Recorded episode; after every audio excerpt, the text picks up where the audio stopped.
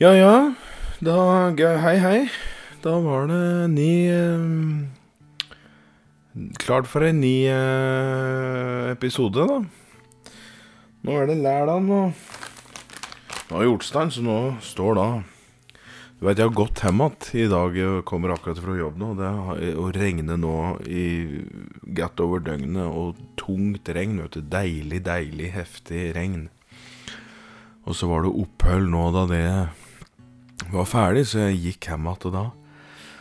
Det var så godt å bare med, Og lite biler i gaten, så den der regnlufta, altså lufta av regn, var skikkelig god. Og det var ålreit temperatur og, og like ting, da. Så det var bare Og litt enslige gater og like ting, så da Da var det trivelig. Og så var det jo lørdag, så nå var jeg og kjøpte lik Natural Mango Bites. Sweet and tasty. Og så en troika. For jeg har på følelsen at troika er bedre til eh, rødvin enn kanskje Mango Bites er. Det er jo ikke sikkert. Det er virkelig ikke sikkert, men eh, Men jeg tror at det er det. Eh, eh, så nå Jeg skal eh, Jeg skal Først, holdt jeg på å si, må jeg bare gjøre Eller finne Finne fram. Ehm, og det er jo ikke alltid like lett. Men ellers så håper jeg jo da at folk har hatt en uh, utrolig fin dag, da. Men faen i helvete, dette det håper jeg. At det liksom uh, Ja, at det folk har uh, kost seg med folka sine og, og livet sitt. ja, ja. Nei, før vi starter nå, så får jeg smake om denne mangobiten. Den er ålreit. Og det var den. Skal vi se om den er god til rødvin, da. Den Du, det var ikke så gæli, altså. Det var ikke så gæli. Du I dag så skal vi selvfølgelig tilbake til Krakadalen, men vi skal, eh, vi skal høre om uh, Nikoline Otelie Otilie, faktisk. Nikoline Otilie Sveen. Hun var født i 1896 og starta i 1963. Hun ble 67. Um, Nikoline Otilie hun var født i Krakadalen, um, da, som jeg akkurat sa, 1896. Mm. Far, han var den eh, Han var jo denne singende servitøren, han eh, Jan Sveen. Og mor Jane hun var jo sykone hos den lokale klesforhandleren i bygda. Den heter for eh, Kle deg pent, tror jeg den heter. Populær klesbutikk på Krakadalen. Kle deg pent. um, dessverre så var det jo eh, lite penger, både som syerske og entertainer. så Nicoline Otilie og hennes tre år yngre bror, um, som da heter Theodor Ingvald, de vokste full opp som under ganske harde kår, som mange andre gjorde på denne tida der. Og eh, Men Jane og Jan, da, de hadde jo møttes utamed systua til Jane. For uta glassruta der, som da hun satt, der hadde jo en Jan stått, vet du, og så drev han og trippe dansetrinn og, og sang Drev og sang like grove viser ifra skogen. Men så var det av og til når disse amorøse felkevis som han hadde lært seg, slik som da eksempel Drømmekveld eller Under blanke stjerner og Du og jeg som seilte i en tresko, eh, gjalde utover eh, Krakadals tretopper og sier, ja, du veit, da, da smelte Janne, Janes eh, hjerte. Det smelter slik eh, tinn gjør i en vedovn, rett og slett. Veldig billedlig, akkurat det. den tanken der, men eh, Eller det ville Ja, ja, ok. I hvert fall, da. En dag så gikk hun ut der, da, der som han sto og nynnet på en fløytarvise, og så spurte hun om han ville være kjæresten hennes. Og det sa han jo da pent ja takk til. og da tok det for tre kvelder, så var Jane på vei med, med Nicoline Otilie. Og Jan, som da på denne tida her bare var 17 år, han var jo da livredd for at livet hans nå var over. Så han slo seg jo på fleska. Og eh, dessverre var det noe han ikke akkurat kom til å slutte med heller. Jane på si side, hun gleder seg jo stort, selv om hun skulle ønske at hun kjente Jan litt bedre før de ble med unger. Og om hun ikke ønsket det høyt nok da, så skulle hun ønske det ganske mer enn noe annet i seinere tid. At hun kjente Jan litt bedre, altså. Og Da var det en regnfull høstnett. Sikkert ganske lik den netta som var i nett til i dag. Men denne høstnetta her, den var jo i 1896, og da kom Nikoline til verden. Og det kom såpass brått at far Jan han hadde sprunget til jordmor Olga og vekt henne opp midt på natta. Skriker jo i trynet vet du, idet hun åpner døra. Nå måtte hun se til å ville, ville faen, Nå måtte hun se til å ville faen og øh, få på seg førkle og flige opp til boligen deres, for der lå Jane og skulle fø. Og sjæl var jo Jan så redd, så han stakk jo bare rett til drankesjappa og drakk seg jo snydens mens han fortalte alle kæra hvor vondt han hadde det, nå som frøken hans lå fødde under ungen, øh, fødde ungen deres. Ja, tenk på meg, da. Her sitter jeg og får ikke gjort noen ting som helst. Hun ligger da der og får presse litt om ikke noe annet, da. Og så senker han tre tårer til, og jekker nedpå ei spritskrell siden man hadde spandert. Slapp av, Jan. Dette har vi alle gjort, sa han. Spanderte en skrell til. Og Jan han ble jo borte ei uke, han. Mens Jane lå jo livredd med dattera si i favnen sin, og da Jan kom tilbake, da ble han jo så glad for å se at alt sto bra til, og han la seg da ved sida av sin lille familie mens han søkte trøst hos sin fru. Dessverre var Jane så glad over å se han, så hun gadd ingen diskusjon på hen han da hadde vært denne uka der. For nå var han jo tross alt endelig her, og det lå da den nyetablerte familien i fred. Og Jane kommenterte heller ikke denne sure spritstanken som kom sivende ifra Jan. Nikoline hun var jo vaken og blid jente. Og nysgjerrig, og nysgjerrig på alt, vet du. Hun plukket opp diverse insekter ifra bakken og tala med dem, altså preke med dem, da. Og om det var noen insekter som så litt gode ut, så, så åt hun dem. Og det var jo ofte at hun bare smakte på dem en gang, men akkurat pissmaur, det likte hun godt. For det var jo en søt smak på dem, vet du. Og eh, da hun var tre år, da kom hennes lillebror Theodor Ingvald, og hun var jo så glad i denne gutten fra første burjan, vet du. Han var like blid som Nikoline, men kanskje Han var, var sikkert noe hakk litt mer forsiktig. Eh, og det var jo ikke mye mat de hadde, vet du, så mor rasjonerte for alt det var verdt. Far var ofte ute og sang og serverte, men lønna var jo ikke mye, og tipsen han fikk, den holdt han hemmelig, da, for da kunne han bruke dem på sprit. Og Nikoline hadde dessverre ikke særlig med venner heller, for ryktet gikk jo på bygda om, om en eh, om uh, far sitt alkoholproblem. Så, så Krakadalsfolket de hadde ikke helt lyst til at unga til Sveen uh, eller at deres egne unger skulle omgå Sveen-felka, da. Så Nikoline hun satt jo ofte hos en bokhandler som heter Walter. Han kom nemlig fra Tyskland, og han hadde mye forskjellige bøker som folk kunne låne til han privat om de ville. Og Nikoline var jo så sjarmerende, syns Walter, at eh, det at hun i tillegg var da Og så var jo hun var jo den eneste som viste interesse for bokhandelen hans, og det gjorde jo eh, det gjorde jo at hun kunne få lov til å lese akkurat her hun ville der. Så hver lørdag, slik som i dag, så gikk hun da til Walter og så håpte eh, på at han da hadde ei ny bok da, som hun kunne få låne. Om hun hadde det, da, da, da sprang hun inne bort til glasshandler Eriksen og så ga bort to glass hun fikk hver uke av sin mor, som enten da hadde vært brukt til melk eller, eller saft, eller sprit, da, som var de glassflaskene hun fikk til sin far.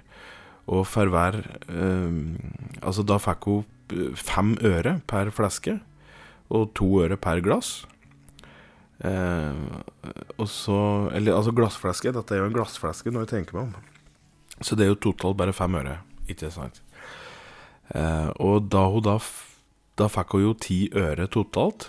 Eh, og da, etter at hun da fikk de penga, så sprang hun til Gattery-forhandleren Helgesen. Som hun var jo ganske snodig frøken, da. Men i hvert fall, det kjøpte hun fire peppermyntedrops. Og etter at dette da var gjort, da sprang hun til sitt favorittre, som lå like ned av Krakadammen. Og så satte hun seg godt til, eh, og begynte å lese boka hun da hadde fått lånt. Og det kosa hun seg gæfælt med. Du vet, og dropsen Dropsen den tok hun da bare å duppe litt og litt på tungespissen, så den skulle da vare lengst mulig. Og på hverdager, da brukte hun og Theodor Ingvald å, å springe rundt eh, i Krakadalen og tilby hjelp til den som måtte trenge det, og som belønning så fikk de glasskrukker, eller flasker, eller her som var, men glass, da. Og etter at de da hadde mottatt det, eh, de måtte da ha fått av glass, så sprang de til glasshandelen og leverte ifra seg glass og de kunne få alt fra 20 øre til 3 kroner.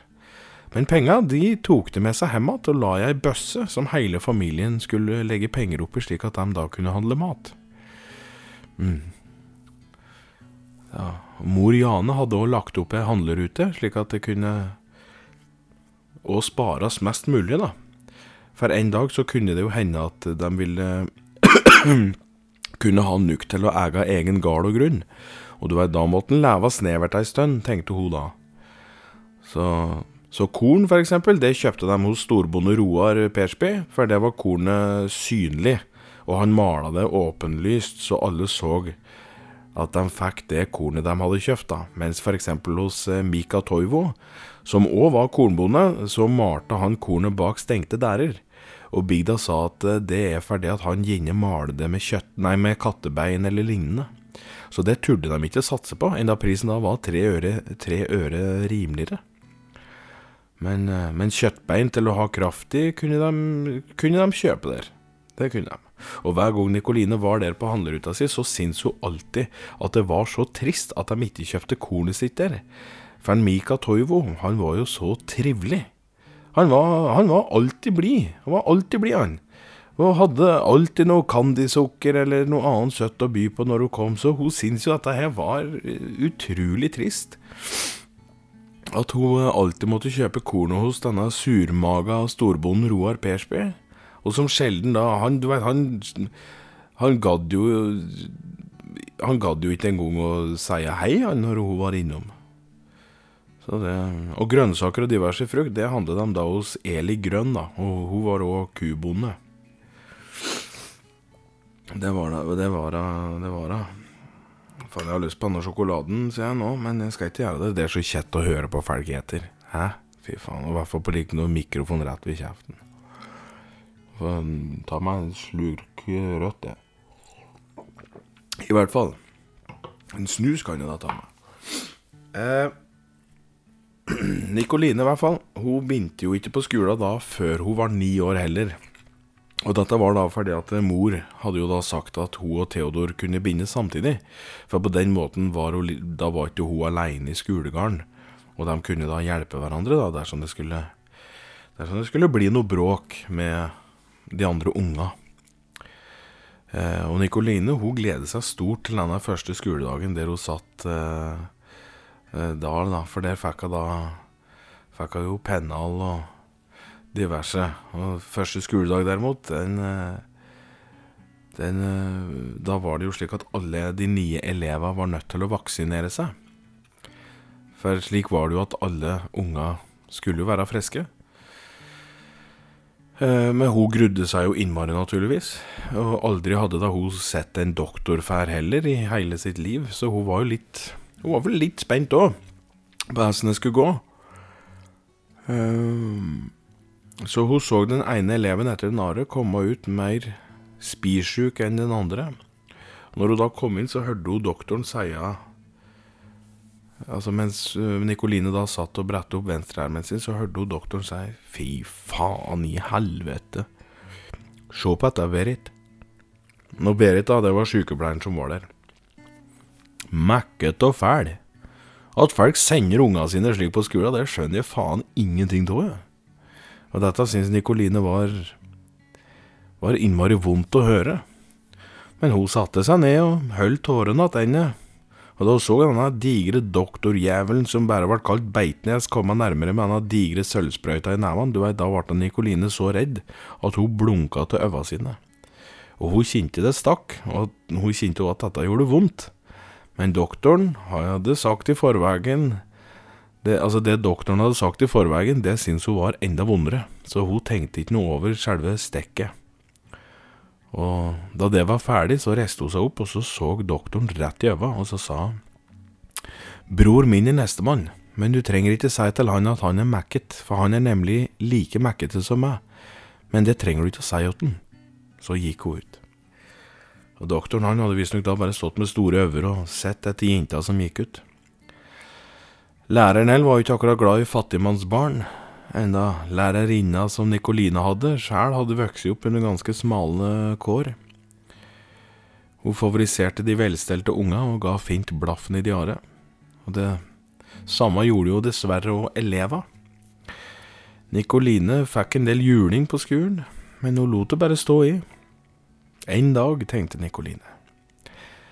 En dag så skal jeg skrive bok, og da skal jeg skrive om alt det fæle som folk har gjort og sagt om meg, og da skal de måtte lese det og si til sine barn at slik hadde de vært som unger, og det tror jeg ikke akkurat de syns vil eh, være noe morsomt. Og det håper jeg de ikke syns helt, sjøl om du ser jo på folk i dag, de er jo faen meg jævligere mot rare unger enda de er voksne eller her det måtte være i dag, så det Ja. I hvert fall Krakadal, i hvert fall radio. Fy faen, altså, jeg blir Ja. Ja, ja. Hennes bror, i hvert fall, stilte alltid opp for Nikoline, samme faen er det gjaldt, vet du. Når Nikoline Otilie var 13 år og Theodor Ingvald var 10, da hadde Theodor allerede blitt en halv skalle lenger i høgda, vet du, enn Nikoline.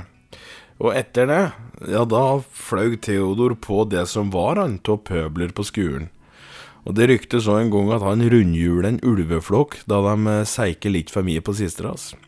Dette skulle jo bli et problem for Nikoline når hun skulle få seg kjæreste. For Theodor han likte aldri kjæresten hennes, enda det var egentlig sjelden noe å si på dem. Hun, men akkurat når Nikoline da var 15, 15 år gammel, da hadde hun med seg en kær som var 19. Men 12 år gamle Theodor han fant hammeren til far sin, og så slo han gutten helseløs. Da Nikoline da var 17, da fant hun en tømmererber fra Kongsvinger, og han var 25 år. Og han var dessverre minst like ille til å slæ som Theodor, så de ruller jo rundt i skogen og slåss faen i fire timer, disse der. Og dessverre så ble det en Theodor som ble liggende på bakken i en blodpøl og hadde fire knekte fingre. Og lilletåa hans den hadde blitt bitt av denne gærne, gærne vingegubben, vet du. Nikoline syns kanskje ikke at det var så snilt gjort da, å gjøre slik og drive og bite og brekke av kroppsdeler, så hun tok like så greit og så sa takk, men nei takk, det er nok, det er nok slutt, til denne vingegubben, så han måtte ta sykkelen sin hjem igjen, og så måtte han finne seg en annen frøken. Eller ei anna frøken. Så det Og når Theodor Ingvald fylte 20 år, så skulle han Da drog han til Oslo for å studere legeyrket. Det var, det var jo riktignok ingen i bygda som hadde tro på at han skulle klare den slags studier, ettersom han hadde jo vist lite interesse for fag på grunnskolen. Men han var bestemt på at han skulle bli doktor og vise alle som sa noe annet, at sjæl om en kanskje ikke er den man trodde man skulle være i barndom og ungdom, så kunne man være god i det man hadde lyst til å bli uansett. Og folk endrer seg jo jo eldre de blir, tenkte han, så at det, jeg tenkte vel det å sette fram et eksempel, kanskje. Jeg vet ikke. Nikoline hun sto på togtrammen og var den eneste som hadde følelsen av at Theodor kom til å klare seg helt fint. Og så sendte hun med henne et brød da, som et tegn på at, at uh, hun hadde trua. Ja. Nikoline hun tok sjøl fatt på skriving, og hun skrev en god del dikt og bøker som ingen ville gi ut. I Krakadalen, vet du, det var jo ikke Altså, det er ikke så stor forståelse for poesi og historier og Du vet, det at noen våger å skulle ha noe så trivielt som yrke, så at de kunne tjene penger på slikt, du vet, det var det bare å glemme av. Så ved sida av oss så jobber jo Nikoline hos Mika Toivo, denne trivelige bonden som, eh, som ordner med korn. Uh, og hun hun mala korn dagen lang og så at det var jo ingen hemmeligheter i kverna til Mika. Og bare det at han ikke hadde plass Det var jo bare det at han ikke hadde plass ved handlebua si til denne malekverna. Så derfor var jo den i stabburet hans. Og Nikoline var en dame som bygda stolte på aldri gjorde noe galt òg. Men samtidig så var de klar over at hun var ei fattig dame. Men for mange i bygda så spilte, det, så spilte det ingen rolle om de voksne var fattige, så lenge de hadde erbe. Så Mika Toivo sitt kornsalg, det steig faktisk ganske mye etter at hun begynte å jobbe der. Men Mika skjønte òg at det var på grunn av Nikoline at det gjorde At det steig, da. Så alt overskuddet av det som han vanligvis tjente, det ga han til Nikoline. Som lønn. Uansett om det kanskje var mer i overskuddet enn en det han satte igjen med sjøl. For Mika han dreiv ikke med korn av penga, men fordi at han likte det han dreiv med, ikke sant. Så Nikoline hun fikk en god del mynt, brukte, det, brukte, det brukte hun på skrivesaker og mat. Men hun satte alltid av halvparten av lønninga si, det satte hun til sparing, slik at hun da kunne distribuere det hun sjæl skrev ut til de folk som eventuelt skulle måtte interessere seg for det hun hadde skrevet, da. Så det, Og Mika var så trivelig. Trivelig, snill og jovial. Han var jo såpass at Nikoline hun ble kanskje litt smått etter hvert forelsket i denne storbonden. Men du veit, han hadde jo kone og unger sjøl, og viste aldri noen gang at han delte de den type følelser, da. Sjøl om han sikkert la merke til Nikolines jeg skal si, klingrende latter og ømme blikk. og Nicolino tenkte kanskje at det å, at det å kunne være at han syntes det var rart, da. Det det var, for det var jo 25 år imellom disse to der. Men sanningen var jo det at Mika han var jo, han var jo forelsket i sin fru. Han hadde aldri vært fristet til å være med noen annen, sjøl om Nicoline var jo en pen og ung dame. men... Og denne forelskelsen den gjorde Nikoline kvalm, og det trist. Hun syntes det var vondt, rett og slett ulidelig vondt, å elske noen som ikke elsker en tilbake. En dag så sa hun til Mika det Jeg veit at du vil synes dette er rart, men jeg må, jeg må tømme hjertet mitt før det eksploderer og river hele meg i stykker. Jeg tror at jeg elsker deg på et underlig vis. Faktisk er jeg så forelsket i deg at hjertet mitt det stanger i bringen og vil hoppe ut skretten min, og jeg veit at du ikke er forelsket i meg, men si meg Ville du elske meg om du ikke elsker noen andre? Mika ble bare stående og fikk vondt i sjela. Ikke fordi han syntes dette var ufint å høre, men fordi at Aldri hadde jo han trodd at ei så ung og klok jente skulle drive og forelske seg i han.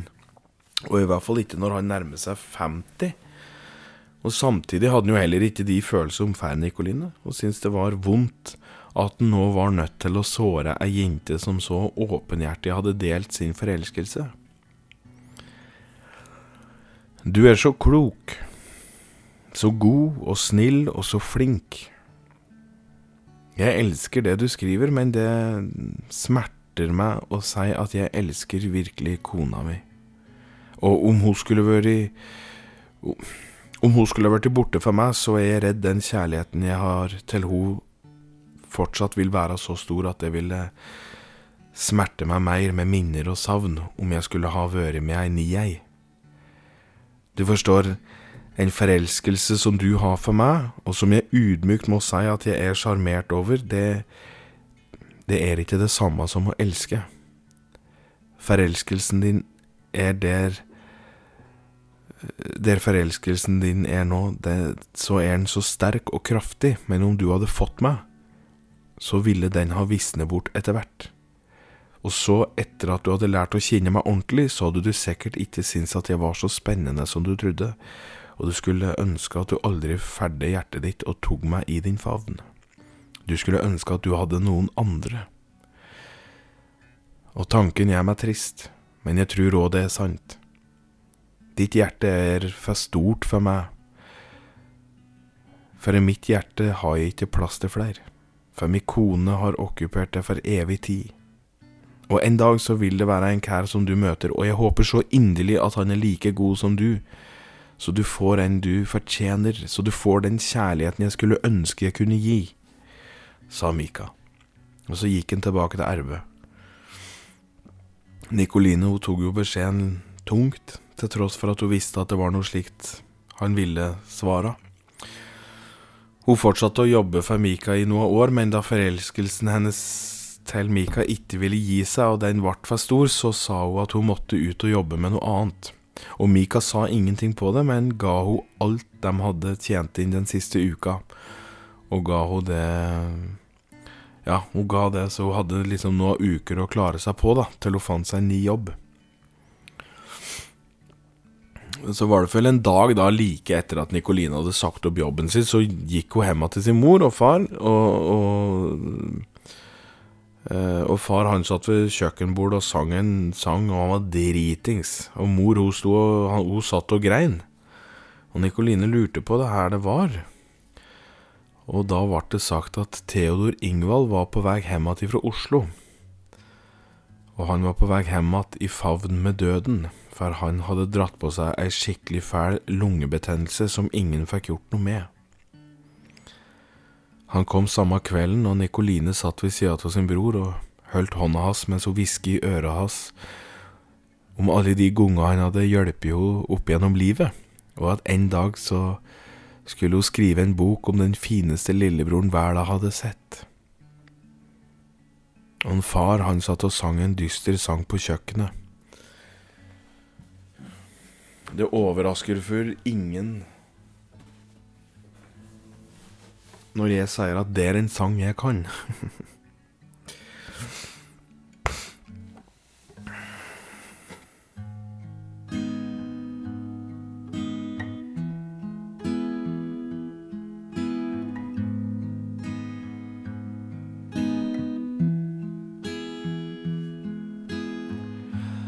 Nå står fanden på trappa atter en gang venter på en kær som er ganske ung. Han seier aldri heffer, han gjør som han gjør. Som far blir jeg trist og får lyst å følge etter sjæl. Foreldre skal ikke sjå sine unger senkes ned. Det stemmer ikke med med livets tre.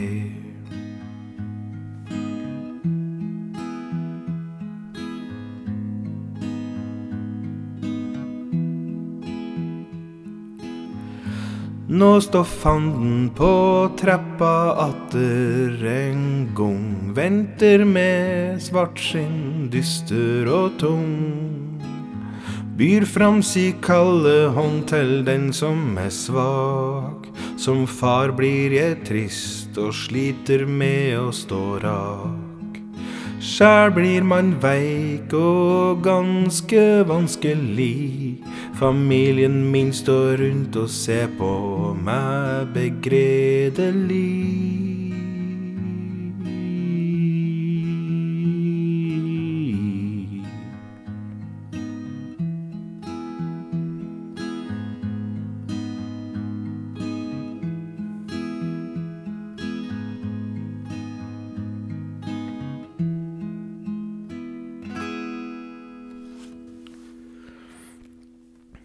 Ikke mange dager etter tok Theodor Ingvald og forlot denne jorda, mens Nikoline og hennes mor var og hentet vann i bekken bak huset. Og like etter hørte de et fælt smell. Og da viste det seg at far hadde tatt en revolver han hadde stjålet av noen lokale gangstere, og så skjøt han seg sjæl i beruset tilstand. Sorgen viste seg å være mer ekstrem i alkoholisert tilstand enn om han hadde valgt å bare være edru denne dagen. Det var tunge dager for både Nikoline og mor Jane etter at både far og bror gikk bort. Og resten av bygda trodde jo at mor Jane måtte være i sammen med fanden ettersom far Jan skjøt seg sjæl. Og dette Og dette etter folk hadde da hørt de hadde jo hørt han Jan preke i filla om hvor vanskelig Jane kunne være når det gjaldt de gangene han ikke tok oppvasken. For da hadde visst Jane kunne blitt herm på han, da. Og dette syntes Jan var litt slitsomt, for han hadde jo ikke lyst til å gjøre egentlig noen ting annet enn å bare gjøre ingenting. I begravelsen så kom det ganske få, for det var mange som ikke turte å stå framfor djevelens elskerinne, som da ryktet var da, om, om Jane. Men Mika Toivo han tok med seg kone og unger og stilte opp, i hvert fall. Og det var bra nok for Nikoline, for hun hadde jo ingen andre i bygda som hun egentlig brydde seg om. Det skulle ikke være det siste møtet med døden for Nikoline sin del, dessverre. Hun, um, hun skulle fø hele ti dødfødte unger med fire forskjellige kærer, som riktignok alle var trivelige og snille gubber, de var det. Um, men som alle skulle bli engstelige og rømme fra Nikoline da hun fødte den ene ungen etter den andre som var uten pust. Og da Nikoline var 41 år, skulle bli, da skulle hun faktisk bli mor på ordentlig. For i et nabohus så var det noen danske innflettere som hadde ei 16 år gammel jente som hadde blitt med en unge etter en dans i bedehuset en sommersdag. Og som straff så tok eh, denne mora hennes og stengte jenta inne i en jordkjeller, og serverte hun ikke noe annet enn brød og vann. For på denne måten tenkte mor at hun kunne ta livet av både datter og barnebarn, og dermed da unngå all sladder og kjas som da eh, farter rundt i bygda. Og Nikoline hadde fått nyss i dette her, og så stilte hun opp en dag, da, utafor der, og da hadde hun På dette skiltet så, så var det bare en påskrift der det bare sto politi. Og denne danske familien kunne jo ikke lese i det hele tatt, da, så de visste ikke hva som sto, men skjønte at denne dama der, hun hadde autoritet og myndighet. Så det var noe med henne, så, så, så de turde ikke å gjøre noe annet da, enn å slippe henne inn i huset. Og Nikoline hun fant jenta som var i ferd med å avmagres. Og dette tok Nikoline fatt i, og sa, hun, om, og sa det at om, om, ikke familien sørger for at både jenta og ungen overlevde, da skulle hun komme tilbake med en bøddel og servere huget deres til grisefestivalen, som da skulle være i Høljes. Det sa hun litt seinere på året. Og Nikoline sa òg at eh, alt skulle gå bra her sladder angikk, så sant han da holdt jentungen inne i huset. For da skulle Nikoline ta, ta til seg denne ungen sjæl når, når, den kom ut. Og slik gikk det da til, at Nikoline for rundt på bygda og sa at hun skulle bli mor, men du veit, folk bare lo og trodde hun hadde blitt faens kav gæren, vet du, for hun var jo så flat. Men en aprilskveld i 1937, da sto Nikoline på trappa utafor hos sin mor med ei frisk jente på ermen. Og det var den stolteste dagen i hennes liv. Mor Jane drog med fanden bare året etter. Altså mor til Nikoline. Det var eh, Og det Men det var nesten som at Nikoline hun tenkte ikke helt over at mor hennes hadde blitt borte. For hun På det tidspunktet så hadde hun absolutt ingen kjærlighet for noen andre enn dattera si. Hun sluttet å skrive, men det gjorde ingenting, syns hun, for hun hadde jo titusenvis med, nedskrivne sider. Og det var dikt, og det var noveller som hun ga ut, men du vet, det var jo ingen som ville ha dem, for de var jo redd at bøkene òg var av satanslekt. Men hun leste hver dag da, for datter si, som fikk navnet Mari. Og sammen var de lykkelige, som, som mor og datter i all sin tid og Nikoline hadde ikke rom for å elske noen kær eller noen andre etter at Mari ble født. Så Nikoline hun var aleine resten av sitt liv, og hun ble nok litt Jeg bare tenker ut ifra at Det er for noen kilder som er òg at den sorgen kom for litt på hennes eldre dager, så, så hun begynte å suse og, og, fable mye og ble mer og mer innestengt i sitt eget sinn, egentlig. Så Ja. Så hun var, og hun følte seg for, Selv om hun ikke hadde rom for å elske noen andre, så etter at Mari ble født, så var hun ikke heldigvis ulykkelig heller, da. Men uh, i 1963, da var Nikoline da, da, da var hun 67 år gammel, ja, og, og da var dattera hennes 26. Nikoline hun hadde da fått tuberkulose og lå på dødsleiet da Mari kom med en hemmelighet til sin mor. Hun hadde nemlig fått seg en kjæreste, og han var av dansk opphav, visstnok. Og dette satte jo en støkk i Nikoline, da, for hun visste bare om en dansk familie her i bygda og det var den egentlige slekta til Mari. Og riktig som det var, så var det attpåklatten som Maris biologiske besteforeldre hadde fått. En Olle, som hadde kommet da to år etter at Mari ble født. Nikoline brast i gråt, og det smerte den ene og den andre husstanden omkring, eh, og de var sikre på at nå var jævelen i anmarsj med all sin brutalitet, for skrika dem var så såre og så vonde at sjøl unga i bygda grein om litenhet og redsel. Og Mari forsto ingenting, men gjorde det hun kunne for å trøste. Og Nikoline prøvde så godt hun kunne finne, å finne orda som var riktige. Eh, og så, men hun, altså, hun fant ikke de orda. Hun fant rett og slett ikke de orda. Så hun grein seg heller da inn i døden, uten å si et eneste ord. Men mange år seinere så fant tusen ta meg Laila Goody et brev da hun var ute og jakte på biller nede på Mirmoen. Sjøl om hun ikke fant noen bilder, men heller da milliarder av migg, så skimte hun noe som eh, glimser litt da, i Fliselva der. Ved, ved, strandkanten og det. Det var jo da en fleskepost med brev inni. Det var jo et brev som var skrevet av Nikoline Otilie til sin datter. Og det står ingen årstid eller noe som antyder i stor grad når brevet kan ha blitt skrevet, men det ble nok det var nok en tanke Nicoline hadde hatt flere ganger, at hun måtte fortelle sin datter om hennes biologiske opphav. Eh, så om Nicoline Nei, om Mari noen gang skjønte koblingen, det, det, kan, det skal jeg grave om og se om jeg finner ut av. Eh, men brevet, det ble jo da Det ble jo lest inn, og av Laila, som er eh, omsorgsfull Altså en god, herlig dame. Eh, og dette leste hun da inn en gang på 90-tallet. Fant han sikkert på kassettspilleren sin, tenker jeg. Og det skal du nå få høre. Så her har du Laila Goody som leser Nikoline Otilie sitt brev. I mange dager og netter har jeg vandra hvileløst omkring, med tanker som kverner seg som meitemark i fersk jord fundert og grubla over hvordan jeg skal fortelle deg om hvem du er, hvor du kommer fra. Jeg kan bare si at jeg har skapt mange personligheter inni meg sjøl. Det er noe jeg gjør ustanselig, skaper nye personligheter. Hver eneste av mine drømmer legemliggjøres i et annet menneske så snart det kommer til meg. Jeg har ødelagt meg sjøl for å skape og mye av mitt indre har jeg skjøvet ut i det ytre.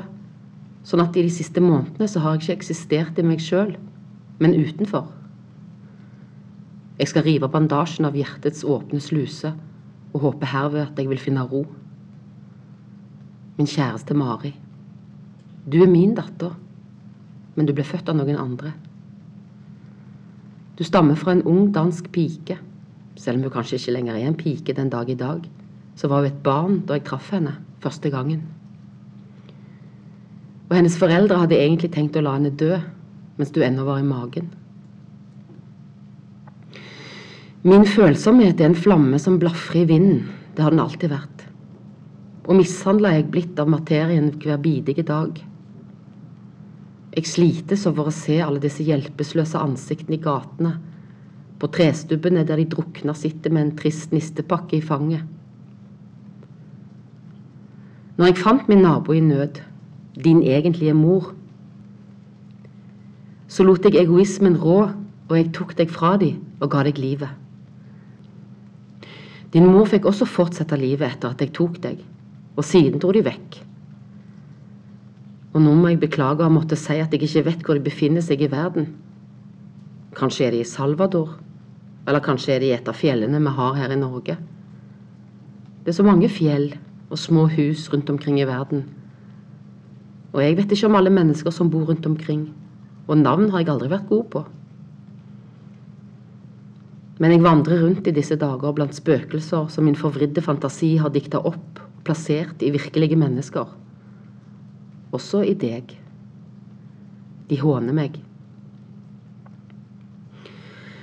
Jeg har forsøkt å finne døra til rommets indre, til den andre sida av rommet. Dit jeg kan flykte fra min bevissthet om de andre og min overdrevent objektive fornemmelse av andre levende skapningers realitet. Mari, jeg er ikke frisk. Jeg kjenner det i hodet mitt og hjertet. Jeg er syk. Jeg går og drømmer om å være tre, for jeg syns de grønne bladverkene er så behagelige for øynene, og så fjernt fra mine egne tanker og smerten og sorgen. Drømmen om å være tre er vederkvegende for min angst, fordi de ikke har øyne å skue ned med ingen sjel. Og jorden føles som en søster fordi dens ufølsomhet er et kjærtegn og opptent lys i min kjerne. Og jorden føles som en søster fordi dens ufølsomhet er et kjærtegn og et opptent lys i min kjerne. Jorden klandrer meg ikke, sånn en menneskesøster kan. Jorden analyserer meg ikke uten å vite om det. Ingen raske blikk som blotter tanker om meg som han ikke vet om sjøl. Og aller minst slekt. Mari. Mari. Jeg famler rundt i mørket. Du merker det? Jeg minnes nesten ikke hva jeg skrev i forrige setning. Lyset slukker snart, og jeg er trøtt. Øynene mine visner til skrivebordet. Jeg ber om forlatelse for at jeg ikke har makta å fortelle deg sannheten med øynene dine festa i mine. Men jeg ønsker deg et godt liv uten meg. Hilsen mammaen din.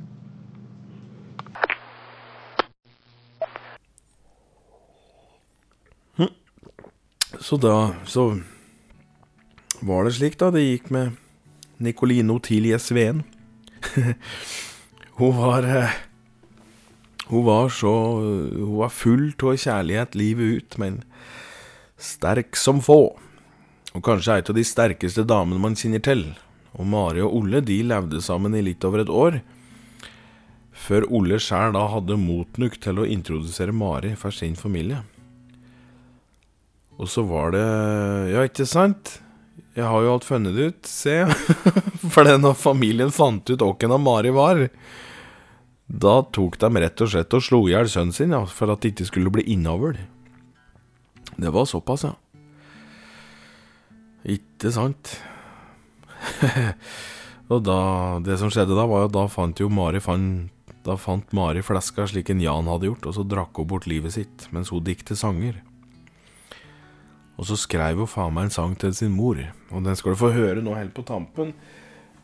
Og da Et eller annet sang Dette Da bare sier jeg det slik at det, Dette var historien om Nikoline Otilie Sveen. Og her kommer sangen Mari skrev til sin mor.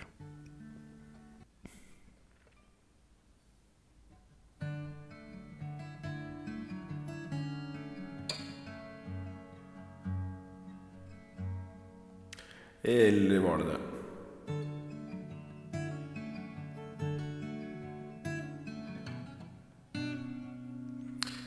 Ikke sant. Jeg er uh, sliten.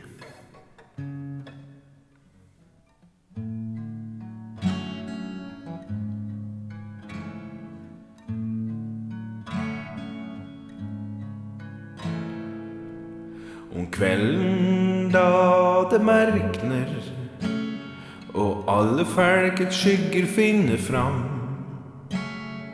Tåka ligger over grålagte enger, skjælsturer jeg over mors dystre sang. Jeg veit du elsker meg slik ei mor må. Du ga meg kjærlighet der andre ba meg gå. Dog så løgn og bedrag gjør meg ikke noe glad. Jeg syns synd på meg sjæl når det var det alle sa.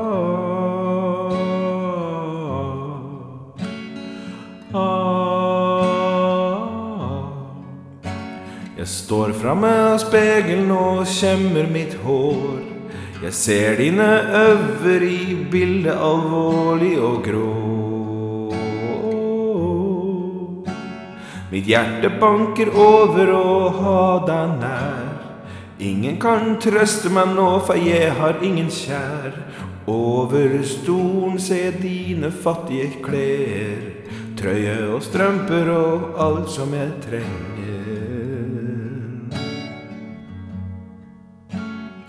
Om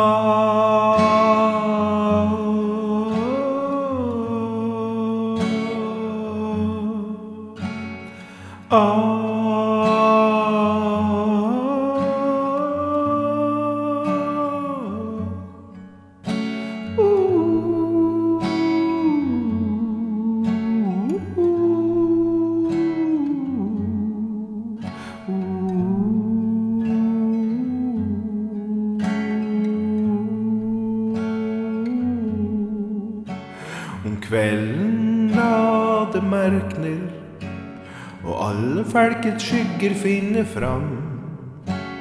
Og tåka ligger over grålagte enger, og sjæl synger jeg mors dystre sang.